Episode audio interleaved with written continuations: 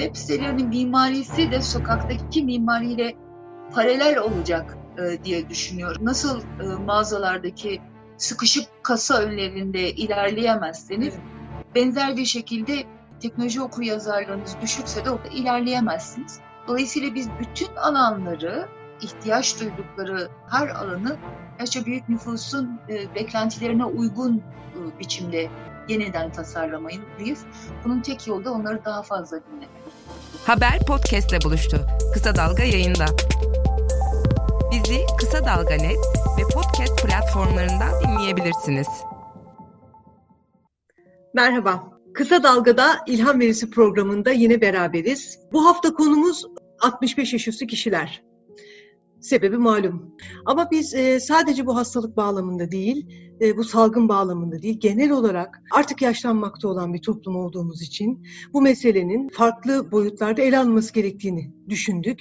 Kiminle düşündük bunu?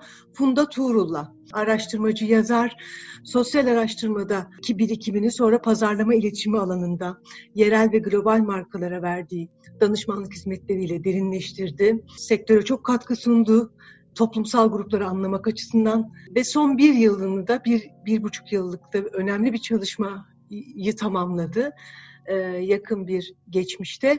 Adı da aktivizm çağında ihmal edilen toplumsal gruplar. Hoş geldin Funda. Seninle bugün 65 yaş üstü üzerine konuşmak istiyorum ama aslında senin bu çalışmanda e, başka gruplar da var. Başka gölgede kalan, ihmal edilen gruplar var. Sen anlatmak ister misin? Benim çalışmam konusunu birçok sahici şey gibi gerçek hayattan oluyor. Annemin yaşadığı, annemin başına gelen bir olay e, beni bu çalışmaya itti. Çok küçücük bir şey birçoğumuzun yakınlarının başına gelmiştir cep telefonunda küçük bir problem ve çok basit çözülebilir bir problem için bir cep telefonu operatörü firmasının mağazasına gidiyor. O basitçe problemini söylüyor. Sorun sahiden basit ama karşısındaki görevli ona onlarca paket, yüzlerce teknik bilgiyle bezeli bir cevap veriyor. Sonuçta hiçbir şekilde anlaşamıyorlar. Sesler yükseliyor. En sonunda annem diyor ki ben aptal değilim. Sadece yaşlıyım diyor. Biz de tabii gündelik pratiklerimizden yaşça büyük olanlara ilişkin, toplumsal olarak ihmal edilen gruplara ilişkin bir sürü şey tecrübe ediyoruz. Ama ilk defa o zamandır ki ben bu yaş meselesi üzerine okuma ihtiyacı hissettim. İlk önce ciddi bir uzun okuma sürecine girdim. İnsanların yaşları ilerledikçe neler değişiyor, fiziksel olarak neler değişiyor, zihinsel olarak neler değişiyor cep telefonu operatörü mağazasındaki görevlinin yaptığı şey aslında bir toplumsal dışlama ve ayrımcılıktı. Bunu bilerek yapmıyordu ama kimse ona bunun ayrımcılık olduğunu söylememişti. Aktivizm nereden eklemlendi bu konuya? Bir defa aktivizm toplumsal veya politik değişim talebiyle bir eylem yapmak. Benim yaptığım şey de aslında aktivist bir şey. E, harekete geçmek e, bu grupları görünür kılmak evet. için e, çatışan fikirler arasında birini desteklemek ya da ortada olmayan bir şeyi görünür kılmak. Yani bir görüşe sahip olmak değil, o görüşle ilgili harekete geçmek, eylem yapmak. Aslında bugünkü çağda, aktivizm çağı dememde o, sosyal medya aracılığıyla herkesin bir nebze aktivist olduğunu söylemek mümkün. Hı. Çünkü kendinize bir hesap açıp bir içerik üretmeye başladığınız anda e, aktivizmin alanına giriyorsunuz. Bir görüşü sadece düşünmüyorsunuz, onu yayınladığınız içerikler aracılığıyla ifade etmeye ya da dağıtmaya e, aracılık ediyorsunuz. Belki şunu da söylemek lazım, bu korona sürecinde işte büyük bir değişim oldu, artık başka türlü bir zamanda yaşıyoruz. Korona öncesi sonrası gibi genellemeler yapmaya başladılar insanlar. Şunu rahatlıkla söyleyebiliriz ki korona başladığında insanlar bütün dünyada sokaktaydılar. E, bugün de Evet. Bütün dünyada sokaktalar. Aktivizm geçici bir durum değil. Çünkü insanlar artık çok çetin, zorlu hayatlar yaşıyorlar. Çok, Ve bu çok... nedenle bizim de sokakta öğreneceklerimiz çok fazla. Eğer çok... kendi dışımızdakileri içtenlikle merak ediyorsak da onun cümlesi de sokakta. Çok doğru söylüyorsun Funda. Yani krizler çağı diyorum ben de buna. Krizler çağı korona virüsle başlamadı. Bu hemen öncesinde göç, savaşa bağlı göçler, e, iklim krizi, e, yoksulluk, dediğin gibi yaş, yaş meselesinin, demografik etiketlerin flulaşması, e, netliğini yitirmesi, ne, ne diyorduk hemen bu koronavirüs öncesinde? Neredeyse 65-70 yaşı orta yaş grubu pazarlama iletişim dünyası en azından grubu delmeye başlamıştı. Çünkü az da olsa bizim ülkemizde değil ama genel batıda gelişkin e, pazarlarda bu grupların tüketim gücüne gücünün farkına vardı markalar ve firmalar. Ve daha orta yaşlı konumlandırıyorlardı. Fakat pandemiyle beraber 65 plus herkes e, yaşça büyük, yaşlı ya da artık neyse bunu da konuşalım gerçekten bu tanım da önemli. ilan edildi. Nedir yaşlı olmak? Neye bağlı? Doğduğumuz tarihe mi? Hissettiğimize mi? Yaşam biçimimize mi? Önce bu yaşlı kavramsallaştırmasını itiraz ederek başlayacağım. Evet hani bildiğimiz Türkçe'de kullandığımız anlamda biz yaşlı diyoruz. Yani üstelik de hiç kendi içinde homojen olmayan, e, aynı evet. tutumlar sergilemeyen, sadece belli bir yaşta olmak, yaş almakla ilgili fiziksel ve zihinsel tutumları değişen bir gruba yaşlı diyoruz ve onlardan benzer özellikleri olan insanlar gibi söz ediyoruz. Buna tekrar döneceğim ama bu konuyu konuşurken birkaç kavramı bir arada dikkate almamız gerekiyor. Bir tanesi e, kronolojik yaş kavramı. İki tane önemli kavram daha var batıda kullanılan. Bir tanesi İngiliz araştırmacı Paul Billis'in kullanıma soktuğu agequake, yaş depremi. Diğeri de age blurring, yaş kavramının bulanıklaşması meselesi. Artık gelişmiş ülkelerde çok bariz olan nüfusun çok yaşlı olduğu, 80'li yaşların üzerinde ortalama ömür süresinin olduğu onlarca ülke var. Artık 100 yaş üzerinde çok ciddi bir nüfus oranı var dünya üzerinde yaşayan. Bir yandan da nüfus yaşlanırken yaş kavramı da bulanıklaştı. Mesela bizim çocuk dediğimiz gruptaki insanlar böyle yaş kavramının sıkıştırılmasıyla pazarlamanın da burada e, çok payı var. Ergen tavırlar sergilemeye başladılar çocuk dediğimiz gruplar. Ya da genç dediğimiz gruplar ergenlik süresinin çok uzaması, bu bumerang kuşağı belli bir işte iş meslek edindikten sonra ekonomik nedenlerle ya da sosyal nedenlerle ailesiyle birlikte yaşamayı sürdüren ya da aile evinde yaşamak için geri dönenler artık böyle çok uzatılmış bir ergen tavırı sergilemeye başladılar. Eskiden orta yaşlı dediğimiz gruplar böyle çok çocukça e, tavırlar sergilemeye, çocukça davranmaya, çocukça yaşamaya, çocukça giyinmeye başladı. Yani söylemeye çalıştığım şey şu, beklenen şekilde yaşına bağlı olarak beklendiği gibi davranmayan sadece yaşça büyük nüfus değil. Bütün nüfus gruplarında böyle bir yaş kavramı bulanıklaştı ve yeni davranış kalıpları ortaya çıkmaya başladı. E, Türkiye'de biz bunlara yaşlı diyoruz ama Batı'da geniş bir kelime repertuarı var bu konuda. Daha hı hı. older diyorlar, elderly diyorlar, silver diyorlar. Daha yaşlı, yaşça büyük, tecrübeli, Senior. Gold, silver gibi kavramlar da e, kullanılıyor. Senior da deniyor. Burada belki de evet senior da deniyor. Dolayısıyla yaşlı demiyoruz artık. Çünkü onlar kendilerini öyle hissetmiyorlar. Biz de bu duyguyu karşılayacak yeni kelimeler bulmalıyız diye Ben biraz e, programın da ismiyle bağlantılı olarak biraz veri paylaşmak istiyorum seninle. Türkiye'de TÜİK'in son açıkladığı, Şubat ayında açıkladığı verilere göre 83 milyon kişi yaşıyoruz hep beraber. 7,5 milyonun üstünde de 65 yaş üstü vatandaş yaşıyor. Ee, yaş yaşça büyüklerimizin yaşça büyükleri büyüklerimizin nüfus içindeki payı yüzde dokuz. Bu oran Batı ülkelerinin oldukça gerisinde. Zaten hastalıktan bizim e, ölüm sayılarımızın az olmasının en önemli sebeplerinden biri bu biliyorsun. Ama ama biz de yaşlanmakta olan ülke sınıfındayız an itibariyle. Yani o üç çocuklar, dört çocuk, üç çocuk, dört çocuk taleplerin arkasında bu, bu, bu durumun yattığını biliyoruz. Ben buradan biraz daha devam etmek istiyorum e, şeylere senden hani e, yakın geleceğimize dair biraz şeyler almak istiyorum ama ne düşünüyorsun, nereye doğru evrilecek? Hani evet şu anda yaşlanmakta olan bir toplumuz ama bugünü sana biraz özetleyeyim. Sen oradan geleceğe matuf bizimle fikirlerini paylaş, öngörülerini paylaş. Şu anda bizim 65 yaş üstü nüfusumuza dair korona günleri araştırmasından birkaç veri paylaşmak istiyorum. Bu pandemi meselesini tedbirli bir sükunetle karşıladılar. Sorduğumuzda ne hissettiklerini, özellikle erkekler. Kadınlar da hafif endişe ve üzüntü olmakla birlikte diğer gruplara göre, yaş gruplarına göre kesinlikle daha sakindiler. Kadınların yüzde, bizde Türkiye'de çalışma oranı 65 yaş üstünde çok çok düşük. Ezici çoğunluğu çalışmıyor, emekli veya e, erkek kadınsa da e, yüzde 60'ı kendini ev kadını olarak tanımlıyor. Geri kalanı da hani muhtemelen bir yerlerden bir emeklilik gelirine sahip. Eğitim durumları 65 yaş üstü Türkiye'de yüzde 65'i bu grubun yüzde 65'i lise 6 eğitime sahip. Bu Türkiye'de yüzde 45.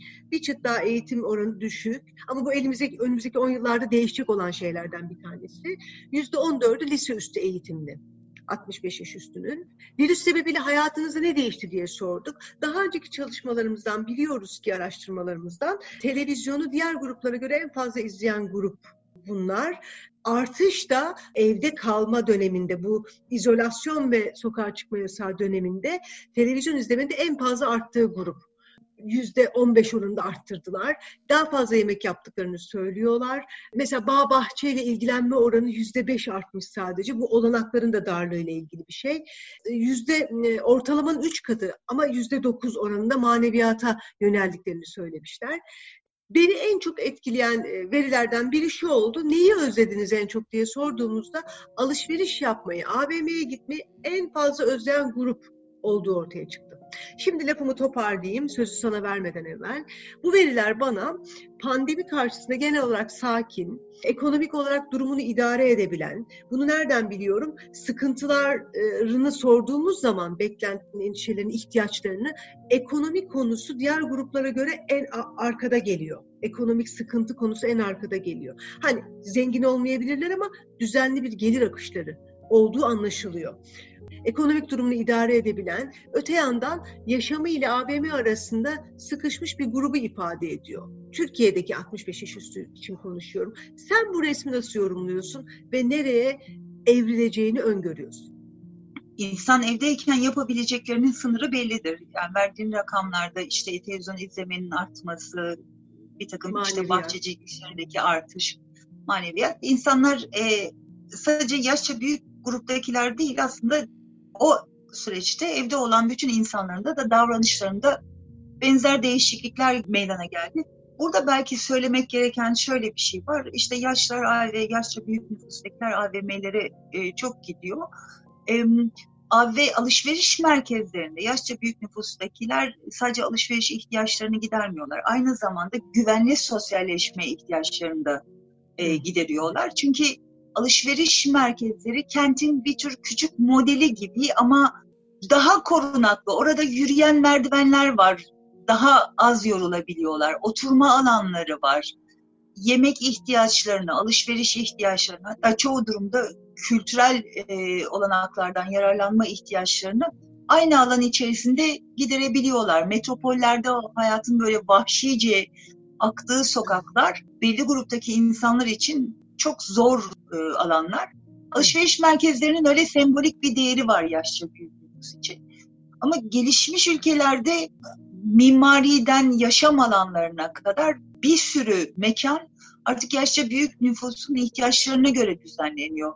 Kuzey Avrupa ülkelerinde e, akıllı yerleşim alanlarından e, söz ediliyor. Bunlar oluşturulmaya başladı. İşte yaşça büyük nüfustakilerin daha korunaklı bir şekilde sosyalleşme ihtiyaçlarını giderebilecekleri evler, misafir ağırlayabilecekleri ortak alanlar, bisiklete binebilecekleri korunaklı özel bisiklet yolları gibi. E, dolayısıyla dijital teknolojilerin de yaşça büyük nüfusun hayat kalitesini yükseltmekte çok ciddi bir rolü var. Teknoloji her ne kadar teknoloji eşittir gençlik gibi düşünüyorsa bu, bu bilgi de doğru değil. Belki bu dijital ve yaşça büyük nüfusun bu yeni teknolojileri kullanma rakamlarına bir göz atmak anlamlı olur. Hayata kulak ver. Kulağını sokağa aç. Haberi duy. Haber podcastle buluştu. Kısa Dalga Podcast. E, bu dijital konusunda sana e, evet e, paylaşacağım yine ara, araştırmamızdan e, bazı veriler ama bir bilgiyi paylaşmak istiyorum. Biliyorsun TOKİ konutlarında bu stüdyo daireler, küçük dairelerin kaldırıldık planlardan, mimari planlardan. Bir iki kişilik hanelerin e, aslında bir tür ne diyelim da, daha aileyi destekleme politikaları çerçevesinde böyle bir karar alındığını düşünüyorum. Ama aslında şunu biliyoruz ki bir kişi iki kişi hanelerin önemli bir kısmında yaşlılar yaşıyor. Yani evet Türkiye'de şey sayısı hanede yaşayan birey sayısı azalıyor. Bir iki kişilik haneler yükseliyor. Bu bir trend. Hani Türkiye'den evet. aldığımız gördüğümüz bir trend. Ama bu hani san, herkes önce şey sandı. Yani işte gençler eve çıkıyor kendi başına. Hayır böyle bu değil. Bunların yarısından fazlasında e, şeyler yaşıyor. 65 yaş üstü yaşıyor ya da daha 55 e, de diyebiliriz yaşıyor. Ben şunu biliyorum ki bizim grupta bugün konuştuğumuz grupta 65 yaş üstünün %79'u bir veya iki kişilik hanelerde yaşıyor. Mekana dönecek olursak bu tür giriş katlarında hatta kamusal e, eşini dostunu ağırlayabileceği e, bir kamusal bir alanın da tahsis edildiği giriş katlarında yaşama katılmasının kolay olduğu mekanlar tasarlanabilir ülkemizde e, yaşça büyük gruplar için. Ben de dilimi dönüştürmeye çalışıyorum mimari özellikle önemli bir alan yaşça büyük nüfus için. Daha küçük konut yaşça büyük nüfus için gerçekten önemli. Çünkü bizim sandığımız kadar evde geçirmiyorlar hayatlarını. Çok fazla seyahat ediyorlar. Dışarıda geçirdikleri sosyalleşme amaçlı zaman çok fazla. Aslında istiyorlar da Funda. Yani bunu yapamayanların da as gönlünden geçen bu. Ve belki de biz onları mobilize etmeyiz. Onun için dedim kamu kuruluşlar, mark kuruluşları, markalar, düşünen insan, bizler onların hayatını kolaylaştıracak, onları daha sokağa, daha fazla sokağa, hayata katılmaya yönelik projeler üzerine düşünmeye başlamalıyız. Ee, çoktan başlamalıydık da yani artık daha hızlanarak bunu yapmalıyız diye evet. düşünüyorum. Bu programın da aslında bir amacı oydu öyle değil mi? Bu farkındalığı yaratmak. Yaşlılar ve dijital iletişimden biraz söz etmek istiyorum. Peki bunlara bütün bu dertlerimizi, bu mesajlarımızı nereden iletebiliriz? Acaba bize başka fırsatlar, iletişim fırsatları var mı bakalım? 65 yaş üstü grupta erkeklerin yarısı, kadınların ise %33'ü internet kullanıyor.